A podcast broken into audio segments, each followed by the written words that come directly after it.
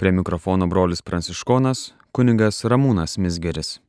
Garbėzui Kristui, mėly Marijos radio klausytojai. Jėzus skelbdamas prisartinusią Dievo karalystę dažnai kartodavo, reikia visuomet melstis ir nepaliauti. Taip pat apaštalas Paulius atkartoja šį kvietimą pirmajame laiške tesalonikiečiams - be paliovos melskitės. Mes žinome įvairias krikščioniškas maldas. Pavyzdžiui, Tėve mūsų maldą mes randame Evangelijoje. Ji dar vadinama viešpaties malda, nes šią maldą apaštalus išmokė viešpats Jėzus. Taip pat ir kitos mūsų maldos remiasi šventųjų raštu ir susiformavo bažnyčios istorijos eigoje. Viena iš šių maldų yra ir Jėzaus malda arba dar vadinama širdies malda. Viešpatie Jėzau Kristau, Dievo sūnau, pasigailėk manęs nusidėlio. Tai iš pirmųjų krikščionybės amžių ateinanti malda, tačiau dar ir šiandien ji yra svarbi ir brangi bažnyčios dvasingumo dalis, nes ji, būdama trumpa, padeda krikščioniui lengviau atsiliepti į Kristaus kvietimą melstis pastoviai. Jėzaus maldo žodžiai gali šiek tiek skirtis, tačiau juose visada yra esminis maldo žodis Jėzus. Tai yra mūsų viešpaties vardas. O Jėzaus malda gali būti įvairi. Pavyzdžiui, viešpatie Jėzau Kristau pasigailėk manęs arba viešpatie Jėzau Kristau Dievo sūnau pasigailėk manęs nusidėlio. Galima šioje maldoje prašyti ir mergelės Marijos užtarimo. Tada sakoma, viešpatie Jėzau Kristau, užtariant Dievo motinai, pasigailėk manęs. Taip pat žinome ir birželinių pamaldų invokaciją. Viešpatie Jėzau Kristau, romusis ir nuolankė širdį, padaryk mano širdį panašiai savo širdį. Nuolankiai ir dėmesingai kartodami Jėzaus maldą mes augame tikėjime o mūsų neregima kova su demonais tampa vaisingesnė, efektingesnė. Jie galime kalbėti, kai esame vieni ir neužsimame jokia kita veikla, pavyzdžiui, ko nors laukiant. Jie galime karts nuo karto ištarti, kai dirbame kasdieninius savo darbus arba patenkame į įvairių rūpešių sukūrį. Tardami Jėzaus vardą vis labiau suvoksime ir patirsime Jėzų jau ne kaip objektą esantį kažkur toli danguje, bet gyvenantį mumise, mūsų širdyje. Nežiūrint mūsų kreipimosi į įsikūnijusi žodį, Jėzaus malda savo esmėje yra trejybinė, apriepia visą švenčiausiąją trejybę. Kada mes melžiamės viešpatie Jėzau Kristau Dievo sūnau, iš tikrųjų mes kreipiamės į tėvą, sūnų ir šventąją dvasę. Sakydami Jėzus, jį taip pat vadiname Kristumi ir viešpačiu, todėl išpažįstame jo dieviškumą. Apaštalas Paulius pirmajame laiške kurintiečiams sako, kad ne vienas negali ištarti Jėzus yra viešpats, jei šventoji dvasia nepaskatina. O šioje maldoje mes būtent ir sakome viešpatė Jėzau Kristau. Taip pat sakyti, kad Jėzus yra Kristus, reiškia pripažinti, kad šventoji dvasia yra Jėzaus patepimas. Kristos iš graikų kalbos išvertus reiškia pateptasis. Jėzaus atveju pateptasis šventąją dvasę. Taigi matome šventosios dvasios buvimą šioje maldoje. Galiausiai mes sakome apie Jėzų, kad jis yra Dievo sūnus, o Dievas šioje maldoje, kaip ir visoje krikščionybėje, yra tėvas, dieviškumo šaltinis, sūnaus ir šventosios dvasios pradžia. Nuo trečio amžiaus iki šiandien Jėzaus malda ypač praktikuojama rytų bažnyčiose. Iš ties, žmogus yra sukurtas pagal Dievo paveikslą ir panašumą. Todėl krikščioniškiesiems rytams žmogaus pašaukimas yra dalyvauti švenčiausios trybės gyvenime, patirti sudėvinimo malonę, patirti, kad esame Dievo vaikai. Dėka Dievo žodžio įsikūnyjimo Jėzaus Kristaus šis pašaukimas vyksta bendradarbiaujant Dievui ir žmogui. Apreiškimo knygoje rašoma, štai aš stoviu prie durų ir beldžiu, jei kas išgirs mano balsą ir atvers duris, aš pas jį užeisiu ir vakarieniausiu su juo, o jis su manimi. Tai žodžiai ištarti to, kuris savo mirtimi nugalėjo mirtį ir apreiškė prisikėlimo viltį, kad kiekvienas žmogus, kuris šaukėsi jo švenčiausiojo vardo, galėtų dalyvauti jo šlovėje. Kaip žinome, šventasis raštas yra bažnyčios mokymo siela, pagrindas. Jėzaus malda, būdama bažnyčios mokymo dalimi, taip pat kyla iš Dievo žodžio kuris suvokiamas kaip Dievo savęs atskleidimas. Skaitydami Naująjį Testamentą mes atrandame Jėzaus maldos apreiškimą, kurio esmė yra atsigrėžimas į Dievą per Jėzų Kristų, vienintelį tarpininką tarp Dievo ir žmonių. Šis tikėjimo aktas išreiškiamas Jėzaus vardo tarimu, išpažįstant jo dieviškumą ir prašant jo atleidimo. Viešpatie Jėzau Kristau, Dievo sūnau, pasigailėk manęs nusidėlio. Autentiška krikščioniška malda reikalauja išpažinti ne tik Kristaus dievišką prigimtį, bet taip pat pripažinti ir savo nuodėmingumą. Esame nusidėliai, reikalingi gailestingojo Dievo atleidimo ir gydimo. Šį pasigailėjimo prašymą mes randame jau Evangelijose. Mato Evangelijoje 20 skyriuje aprašoma apie du Jericho neregis. Ten sakoma, minė draudė juos, kad jie tylėtų, bet anie dar garsiau šaukė, viešpatė Davido sūnau, pasigailėk mūsų. Taip pat Luko Evangelijoje yra aprašoma muitininko malda O muitininkas stovėjo tokia ir nedryso nei akių pakelti į dangų, tik mušėsi į krūtinę maldaudamas. Dieve, būk gailestingas man nusidėliui. Melstis Jėzaus vardu įsakė ne pranašas ar apaštalas ar angelas, bet pats Dievo sūnus. Po paskutiniosios vakarienės didįjį ketvirtadienį viešpats Jėzus palieka mokiniams paskutinius paliepimus, tarp kurių yra ir melstis jo vardu. Jono Evangelijoje 14 skyriuje Jėzus sako savo mokiniams, ir ko tik prašysite mano vardu, aš padarysiu, kad tėvas būtų pašlovintas sunuje. Jei ko prašysite manęs mano vardu, aš padarysiu. Šiek tiek toliau 16 skyriuje Jono Evangelijos Jėzus sako, iš tiesų, iš tiesų sakau jums, jei tik prašysite tėvą mano vardu, jis duos tai jums. Iki šiol jūs nieko neprašėte mano vardu, prašykite ir gausite, kad jūsų džiaugsmui nieko netrūktų. Apaštalai iš dalies jau žinojo Jėzaus vardo galę ir iki jo prisikelimo. Jo vardu gydydavo ligonius ir išvarinėdavo demonus. Po prisikelimo apaštalų darbuose ir laiškuose mes matome beribį apaštalų pasitikėjimą viešpaties Jėzaus vardu bei jų didžiulę pagarbą jam. Jo vardo dėka jie darė nepaprastus ženklus.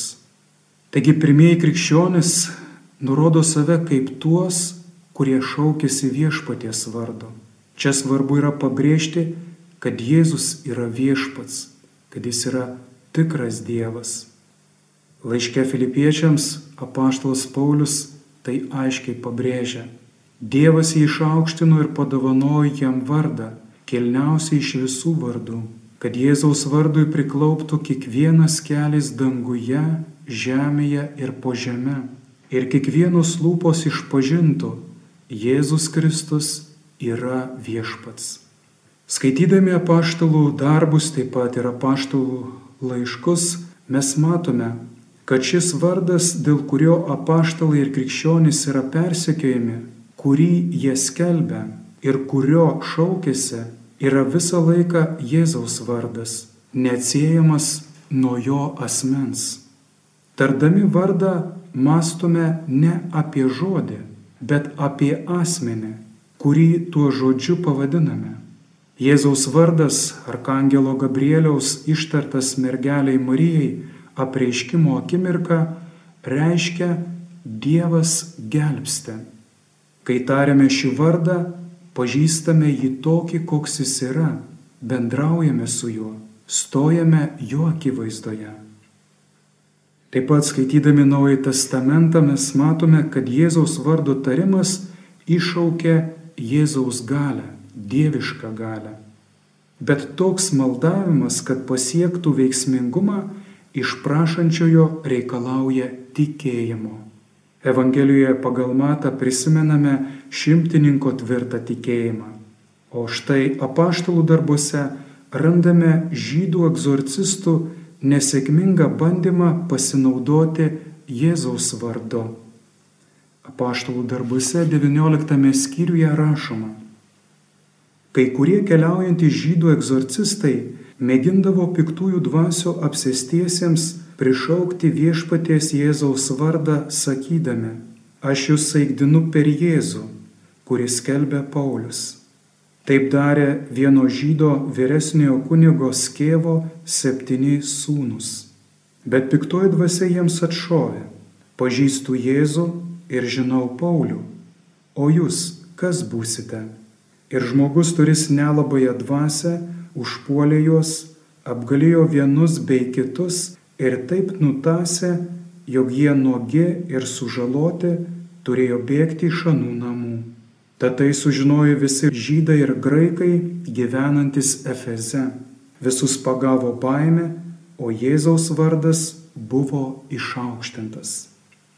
Taigi iš šio teksto aiškiai matome, kad Jėzaus vardas nėra koks nors burtažodis ar talismanas, kurį ištarus įvyksta stebuklas. Tik turint tikėjimą į viešpatį Jėzų Kristų, šis vardas gali atitolinti demonus ir keisti žmogaus gyvenimą. Tikėjimą, kad Jėzus Kristus yra viešpats, Mesijas, Dievo siustasis, kad jis yra tikras Dievas ir tikras žmogus, kuris prieš du tūkstančius metų įsikūnijo, gyveno, kentėjo, mirė ir trečią dieną prisikėlė. Būtent šis tikėjimas, šios kelios tikėjimo tiesos leidžia veiksmingai ištarti Jėzaus vardą, leidžia būti vienybėje su Jėzumi Kristu, leidžia labiau jį pažinti. Taip pat skaitydami Naują Testamentą mes matome, kad teismo dieną išganimas gali priklausyti ir nuo to, ar buvo šauktasi jo vardo. Apaštalų darbuose ketvirtame skyriuje rašoma, ir nėra niekame kitame išgelbėjimo, nes neduota žmonėms po dangumi kito vardo, kuriuo galėtume būti išgelbėti.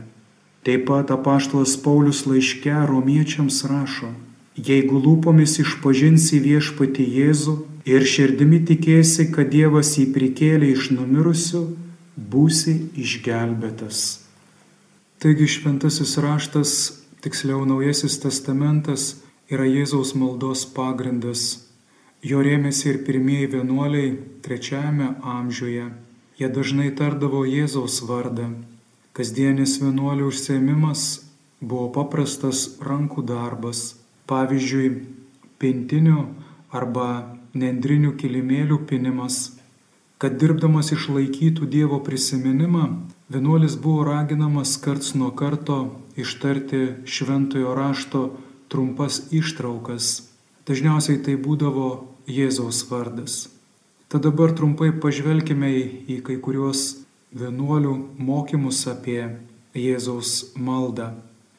Vienuoliško gyvenimo ir taip kad galim sakyti Jėzaus maldos pradininku yra laikoma šventasis Antanas Egiptietis. Antano maldos praktika skleidžiasi vienumoje ir yra sudaryta iš trumpo sakinio arba tik vieno žodžio. Antanas randa džiaugsmą varde to, kurį myli. Šventasis pasakoja, kiekvieną kartą demonai mane paskelbdavo šventuoju, bet aš juos nugindavau viešpaties vardu. Šventasis Antanas gydydavo ligonius ir išvarinėdavo demonus, kaip ir apaštalai Jėzaus Kristaus vardu. Paskutiniuose jo gyvenimo žodžiuose, pasakytuose dviem savo mokiniams, galime atrasti Jėzaus maldos užuomasgą. Kvepuokite visada Kristumi ir tikėkite juo. Šeštajame amžiuje Gazos dikumoje du egiptiečių kilmės vienuoliai, šventasis Barsanufijus ir šventasis Jonas Pranašas, buvo vieni iš pirmųjų Jėzaus maldos kleidėjų. Jie pasiūlė įvairias maldos formulės, pavyzdžiui, viešpatie Jėzau Kristau, pasigailėk manęs arba Jėzau padėk man, taip pat mokytojau Jėzau, apgink mane ir ateik pagelbėti mano silpnumui. Jų mokinys šventasis Dorotėjus apie 540 metais įkūrė vienuolyną netoli gazos. Savo raštuose Dorotėjus moko pastoviai pakaitomis kartoti dvi formulės - viešpatie Jėzau Kristau pasigailėk manęs ir Dievo sūnau padėk man. Šventasis Diedochas Vatikietis gyveno penktame amžiuje. Beveik nieko nežinome apie jo kilmę. Manoma, kad jis buvo šventojo Avagrijaus pontiečio mokinys. Jėzaus malda užima pagrindinę vietą Diedocho mokyme. Jis klausia, kaip mūsų išsklaidyta mintis, mąstymas galėtų būti suvienyti, kaip mūsų neramus protas galėtų pasiekti ramybę, kaip galėtume susitelkti. Štai jo atsakymas. Kai mes uždarėme visus minčių išėjimus Dievo prisiminimu, mąstymas primiktinai iš mūsų reikalauja kokios nors užduoties, darbo, kuris patenkintų jo veiklos poreikį. Kad pasiektume minėtą tikslą, sako Diedochas, turime nuolat susikaupti ties minėtą frazę, ties Jėzaus malda savo vidinėje šventovėje su tokiu intensyvumu, kurio nenutrauktų jokie intelektai mintis vaizdiniai. Tada, sako jis, siela gauna malonę dalinti savo meditaciją ir kartoti Jėzaus maldą. Taigi, Jėzaus malda tai būdas sergėti protą ir širdį, neleidžiant kitų minčių, bet liekant vien tik tai su mintim apie Jėzų Kristų. Vienas iškiliausių Sinajaus mokyklos atstovų yra šventasis Jonas Klimakas, tai garsus 7 amžiaus Sinajaus vienuolino abatas Savo žymėjame veikale rojaus kopiečios šventasis Jonas sako, kad siekiant tobulumo maldoje reikia turėti nemažai kantrybės ir nuolankumo, kad sugebėtume dėmesingai tarti maldos žodžius. Taigi, šventasis Jonas Klimakas ypač pažymi dėmesingumo, budrumo svarbą maldoje, kovą su įsiblaškimu. Tačioje vietoje yra svarbu pabrėžti, kad kiekvienas susitikimas su Dievu yra malda, tačiau ne kiekviena malda yra susitikimas su Dievu.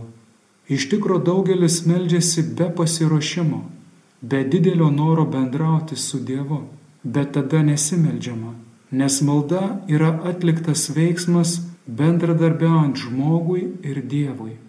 Evangelijoje pagal matą Jėzus mus perspėja Ne kiekvienas, kuris man šaukia viešpatė viešpatė, įeis į dangaus karalystę. Tai suprasdamas apaštalas Paulius pirmajame laiške korintiečiams rašo, aš melsiuosi dvasia ir melsiuosi protu. Visų pirma, širdies malda yra kurstoma trumpomis, paprastomis maldomis. Dabartinėje daugia žodinėje kultūroje ypač svarbu taip suprasti. Tačiau šventasis Jonas Klimakas sako, tavo malda turi būti labai paprasta, nesisteng daug pasakyti, kol ieškosi žodžių, dvasia išsiblaškys. Dangiškasis tėvas dažnai negali atsispirti nuolat kartojamiems mažo vaiko žodžiams. Vienas žodis muitininko lūpose sutaikė jį su Dievu. Vieno pilno pasitikėjimo prašymo užteko išgelbėti Latrui. Kai maldoje daug kalbama, siela apsunkinama visokiais blaškančiais vaizdiniais ir pamaldumas dinksta. Maldoje reikia labai mažai arba pasakyti tik vieną žodį, tada siela bus susikaupusi. Ar jaustum šiame maldo žodėje ypatingą paguodą ar ypatingą prislėgtumą, pasilik su tuo žodžiu, pasilik su tais maldo žodžiais. Taigi šis jo patarimas apie trumpą maldą arba net vieną žodį yra naudingas, kai dirbame fizinį ar protinį darbą. Karts nuo karto ištartas su meilė vienas žodis, pavyzdžiui, Jėzus arba, arba Jėzau, atnaujina mūsų bendrystę su viešpačiu. Jėzaus maldos sujungimas su kvepavimu pirmą kartą atrandamas būtent pas šventąjį Joną Klimaką. Jis sako, Širdies ramybė yra buvimas priešais Dievą, pastovioje adoracijoje. Melskitės taip, kad Jėzaus prisiminimas būtų sujungtas su jūsų kvepavimu ir tada žinosite vidinės ramybės vertę. Taip iš ties atsiranda taip vadinamas fizinis metodas, kurio esmė yra Jėzaus maldos žodžius derinti su kvepavimu. Pavyzdžiui, tariant viešpatį Jėzau Kristau įkvepiamą, o sakant pasigailėk manęs nusidėlio iškvepiama. Tačiau būtina priminti, kad neturint patyrusio dvasios tėvo yra labai pavojinga derinti kvėpavimą su maldo žodžiais, nes tada Jėzaus malda gali atnešti daugiau žalos negu naudos. Jėzaus maldą geriausia yra kalbėti neprisirišant prie jokio fizinio metodo, nes esmė yra ne kvėpavime ar kūno padėtyje, bet tikėjime, kuris išreiškiamas nuolankume ir dėmesingame maldos žodžių tarime. Jėzaus malda taip pat išplinta ir Konstantinopolio vienuolynuose, kur pagrindinis šios maldos atstovas buvo šventasis Simeonas, naujasis teologas, gyvenęs X amžiaus pabaigoje ir XI amžiaus pradžioje. Jis taip pat pabrėžia dėmesingos maldos svarbą. Jis sako, laikykis šių trijų patarimų, būk laisvas nuo bet kokio rūpešio, ne tik blogo ir tuščio, bet taip pat ir gero. Saugok savo sąžinę taip, kad ji tau nepriekaištautų. Atsitolink nuo kiekvieno įstringo prisirišimo, kad neturėtum jokio palinkimo tam, kas priklauso pasauliui. Išlaikyk dėmesingumą savyje, tada mąstymas įgys sugebėjimą atitolinti klastingas mintis, kad ir iš kur jos be pasirodytų, dar prieš joms įgaunant tvirtumą, jas išsklaidydamas maldos žodžiais viešpatie Jėzau pasigailėk manęs. Taigi Šventojo Simeono naujojo teologo mokymas pabrėžia, kad tie, kurie skiria daugiau laiko Jėzaus maldai vienumoje ir neturi dvasios tėvo, turi vengti bet kokio troškimo kažką tai atgamtiško patirti, kažkokių tai vizijų ar regėjimų. Tik nusižeminimas ir dėmesingumas maldo žodžiams mus apsaugo nuo puikybės, tuštybės ir piktosios dvasios, kuri trokšta mus klaidinti ir atitraukti nuo maldos. Dikumos tėvų, tai yra vienuolių posakiuose, dažnai raginama nepasitikėti visokiojopais religiniais patyrimais. Pasakojama, jog vienas vienuolis gundimo akimirką savo celėje išvydo demonus, tačiau visiškai jų nepaisė. Velnes suprato šitaip nieko nepešęs ir pats jam pasirodė tardamas, aš esu Kristus Į jį žvilgtelėjęs atsiskyrėlė susimerkė. Tada velnės sako, aš esu Kristus, kodėlgi užsimerkiai? Vienuolis jam atsakė, verčiau jau neregėsiu Kristaus šiame gyvenime, kad regėčiau kitame. Su likščiai žodžiais velnės pranyko. Taigi dykumos tėvai ir motinos nestokojo nuovokos apie žmonių imlumą, toli gražu ne iš Dievo kylančioms religinėms patirtims, kurios skleidžiasi apgaulingais Dievo vaizdiniais bei melagingomis išvalgomis į šventąjį raštą. Buvo būkštaujama, kad šie patyrimai vienuolį neįkvėptų minties, esą Dievas jį išskyrė iš kitų tarpo ir jis yra pranašesnis ir šventesnis už kitus. Net ir nebejodami dievišką patyrimo kilme, dykumos asketai į tai žiūrėdavo labai atsargiai, mat kildavo grėsmė, kad jį patyręs žmogus įpuls į puikybę. Persikelkime iš Konstantinopolio į Atono kalną. Šventasis Grigalius iš Sinajaus, jis yra vienas iš žymiausių 13 amžiaus Jėzaus maldos šalininkų ir tuo pačiu tas, kuris praktikavo tą maldą ir skleidė savo aplinkoje. Pradžioje jis atvyko iš Sinajaus kalno į Atono kalną ir ten ieškojo dvasinio vadovavimo Jėzaus maldai. Jis negalėjo rasti ne vieno, kuris jam padėtų. Tik po ilgų klausinėjimų surado tris vienuolius, kurie turėjo šiek tiek nuovokos apie minėtą dvasingumo kryptį. Anot jo mokinio ir biografo Šventojo Kalisto, visiems kitiems rūpėjo aktyvus gyvenimas. Tad likusi savo gyvenimą šventasis Grigalius pats praktikavo ir kitus mokė Jėzaus maldos Atono kalne. Viename iš savo raštų jis nurodo, kaip tinkamai kalbėti Jėzaus maldą. Kai kurie tėvai mokė, kad privalu kalbėti visą maldą. Viešpatie Jėzau Kristau Dievo sūnau, pasigailėk manęs. Kiti patarė kalbėti tik jos dalį. Jėzau Dievo sūnau, pasigailėk manęs. Arba viešpatie Jėzau Kristau, pasigailėk manęs. Arba keisti kalbėjimo būdą. Vienu metu kalbėti visą, kitu trumpesnė forma. Nepatartina, sako Grigalius, pasiduoti tingumui, dažnai keičiant ir trumpinant maldo žodžius, bet yra svarbu kurį laiką ištvermingai laikytis tų pačių Jėzaus maldo žodžių. Ir vėl, sako Grigalius, vieni moko melstis lūpomis, garsiai, kiti protu, tyliai. Manau, kad abu būdai geri. Kartais protas pavarksta ir išsenka, kartodamas maldą. Kitu atveju lūpos pavarksta nuo tokio darbo. Todėl pravartu naudoti abu maldos metodus - melstis lūpomis ir protu. Tikintysis turi kreiptis į viešpatį ramiai, nesiblaškydamas, kad balsas nedrumstų proto dėmesingumo ir taip nenutrauktų maldos.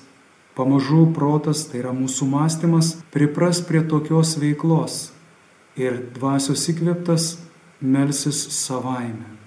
Taigi šventasis Grigalius Sienietis kalba vienu metu ir apie lankstumą, ir apie tam tikrą pastovumą praktikuojant Jėzaus maldą. Tai reiškia, kad šią maldą mes galime kalbėti pusbalsiu arba tyliai, priklausomai nuo aplinkybių. Pavyzdžiui, besimeldžiant, sėdint apima miegas, Tada galima atsistoję priešais kryžių ar ikoną, pusbalsiu arba garsiai sakyti viešpatie Jėzau Kristau, Dievo sūnau, pasigailėk manęs nusidėlio ir po kiekvieno maldavimo persižegnoti ir šiek tiek nusilenkti, pagarbinant kryžių arba šventąją ikoną. Jėzaus maldos žodžių nereikėtų dažnai keisti, ypač tiems, kurie nusistato kasdieninį maldos laiką, skiria daugiau laiko šiai maldai, bet vertėtų likti prie vienos Jėzaus maldos formulės, pavyzdžiui, tradicinių žodžių viešpatie Jėzau Kristau, Dievo sūnau, pasigailėk manęs nusidėlio arba kitos maldos formos, kurią pasirenkame. Žinoma, kai dirbame fizinį arba protinį darbą, tada galime pakeisti trumpesnė malda, ištariant vieną arba kelis žodžius, Pavyzdžiui, viešpatie Jėzau pasigailėk manęs. Dar vienas žymus Jėzaus maldos puoselėtojas buvo šventasis Maksimas Kauzachalyba. Jis gyvendamas Atono kalne 14 amžiuje praktikavo vienumos maldą, būtent Jėzaus maldą.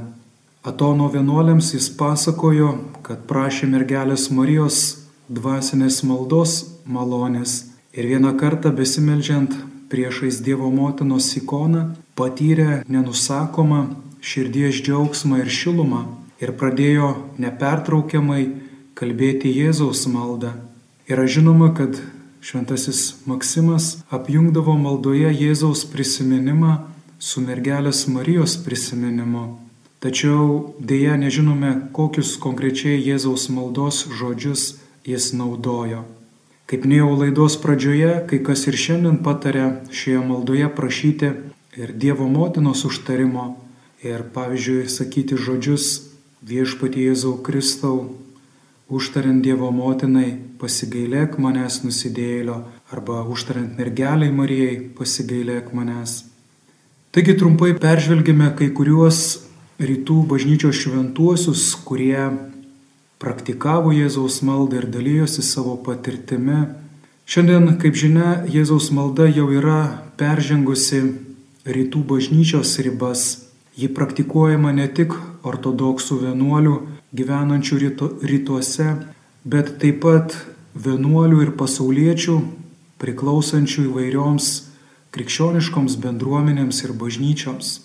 Nuo karštos Egipto dykumos iki Rusijos stepių, nuo Sinajaus ir Atono vienuolynų iki miestų dykumos, Jėzaus malda yra skirtinga padėti visuomenėje užimančių krikščionių penas. Verta paminėti, kad neseniai Katalikų pasaulio leidikla pakartotinai išleido knygą lietuvių kalboje Atviri keliauninko pasakojimai savo dvasios tėvui. Šioje knygoje gana vaizdžiai atskleidžiama nežinomo maldininko patirtis praktikuojant Jėzaus maldą. Pabaigoje dar keli praktiniai priminimai. Pirmiausia, Jėzaus malda turi būti vienybėje su viso kito gyvenimo raiška, kuriai priklauso tikėjimas bažnyčios dogmomis, liturginė malda, naudojimasis sakramentais, švento rašto skaitimas, įsakymų laikymasis, tarnavimas ir užuojauta artimui. Visą tai sudaro organišką vienybę, kurios reikia laikytis praktikuojant Jėzaus maldą. Nes kartais pasigirsta tokie samprotavimai, kad man bažnyčios ir jos dogmų ar apieigų nereikia, užtenka vien tik Jėzaus maldos. Tai klaidingas mąstymas. Juk Jėzus sako, reikia ir to laikytis, ir ano nepleisti. Kaip matėme, Jėzaus maldą galime praktikuoti ne tik vienomoje, sėdėdami savo kambarėlėje ar bažnyčioje, bet ir tada, kai atrandame laisvo laiko. Pavyzdžiui, laukiant ateinančio draugo, patekus į automobilių kamštį, begulint lovoje, kai neina užmigti ir panašiai. Taip pat matėme, kad ir dirbant intensyvų fizinį ar protinį darbą, mes galime būdėti savo širdyje ir prisiminti Jėzaus buvimą ištardami karts nuo karto viešpatie Jėzau Kristau, Dievo sūnau, pasigailėk manęs nusidėlio.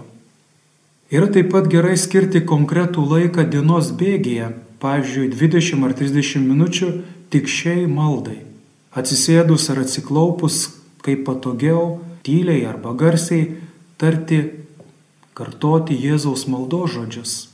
Svarbu tai daryti dėmesingai ir nuoširdžiai, stengiantis būti su maldo žodžiais ir kovojant su bet kokiu užsiblaškimu. Tai nėra lengva, bet maldoje svarbiausia yra ne kiekis, ne sukalbėtų maldų skaičius, bet kokybė.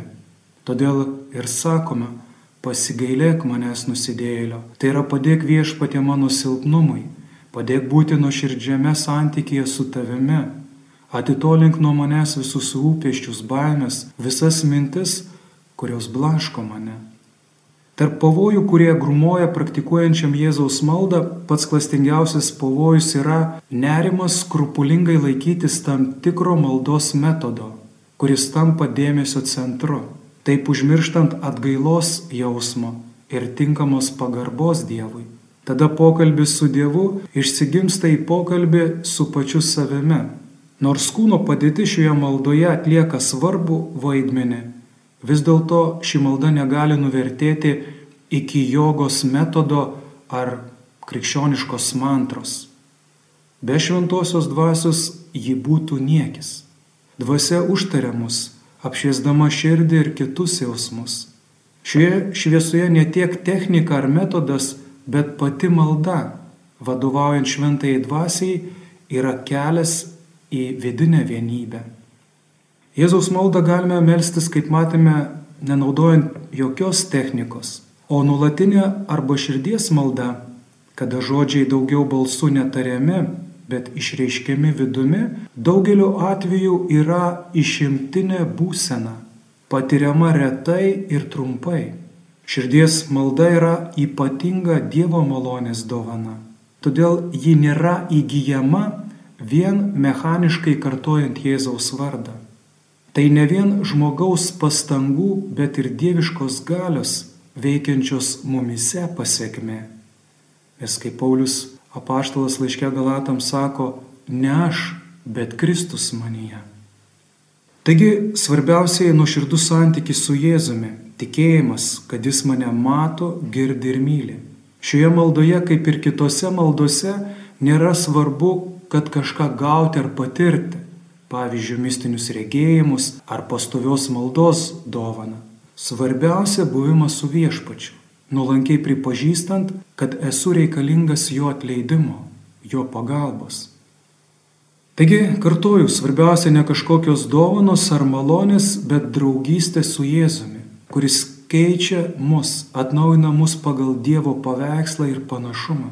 Jei dažnai melžiamės, tai ši ištverminga Jėzaus malda keičia iš pagrindų mūsų širdį, charakterį ir elgseną. Kai nukreipiame žvilgsnį į Kristų ištvermingoje maldoje, tai jo paslaptingas ir nematomas atvaizdas įsispaudžia mūsų būtyje. Mes gauname jo begalinės meilės ir gerumo atspindi. Jo veido šviesa apšviečia mus. Šventasis apaštalas Paulius antrajame laiške korintiečiams rašo, mes visi atidengtų veidų viešpaties šlovę atspindėdami daromės panašus į jo atvaizdą ir viešpaties dvasios veikimu vis didėja mūsų garbingumas. Panašiai kaip vieną daiktą pastačių šalia kito, tačiau radioaktyvaus daikto. Taigi pirmasis daiktas, kuris nėra radioaktyvus, gaus tiek radiacijos, kiek laiko jis buvo laikomas šalia to radioaktyvaus daikto. Žinoma, nepalyginamai daugiau jausime įtaką mes, kurie artinamės prie bet kokios žemiškos ar kosminės šviesos ir energijos šaltinio. Tai yra prie Jėzaus Kristaus, kuris yra pasaulio šviesa. Kristus pats kviečia mus likti šalia jo, kad neužkluptų mūsų šio pasaulio tamsa, neaptemdytų mūsų mąstymo ir mes nebeįstengtume atpažinti dieviškos tiesos. Todėl viešpats ir sako, Vaikščiokite, kol turite šviesą, kad neužkluptų jūsų tamsa. Arba kitoje vietoje sako, aš pasaulio šviesa, kas seka manimi, nebevaikščios tamsybėse, bet turės gyvenimo šviesą. Viešpatie Jėzau Kristau, Dievo Sūnau, pasigailėk manęs nusidėlio. Šioje laidoje savo mintimis su jumis dalinosi brolis pranciškonas kunigas Ramūnas Misgeris. Likite su Marijos radiju.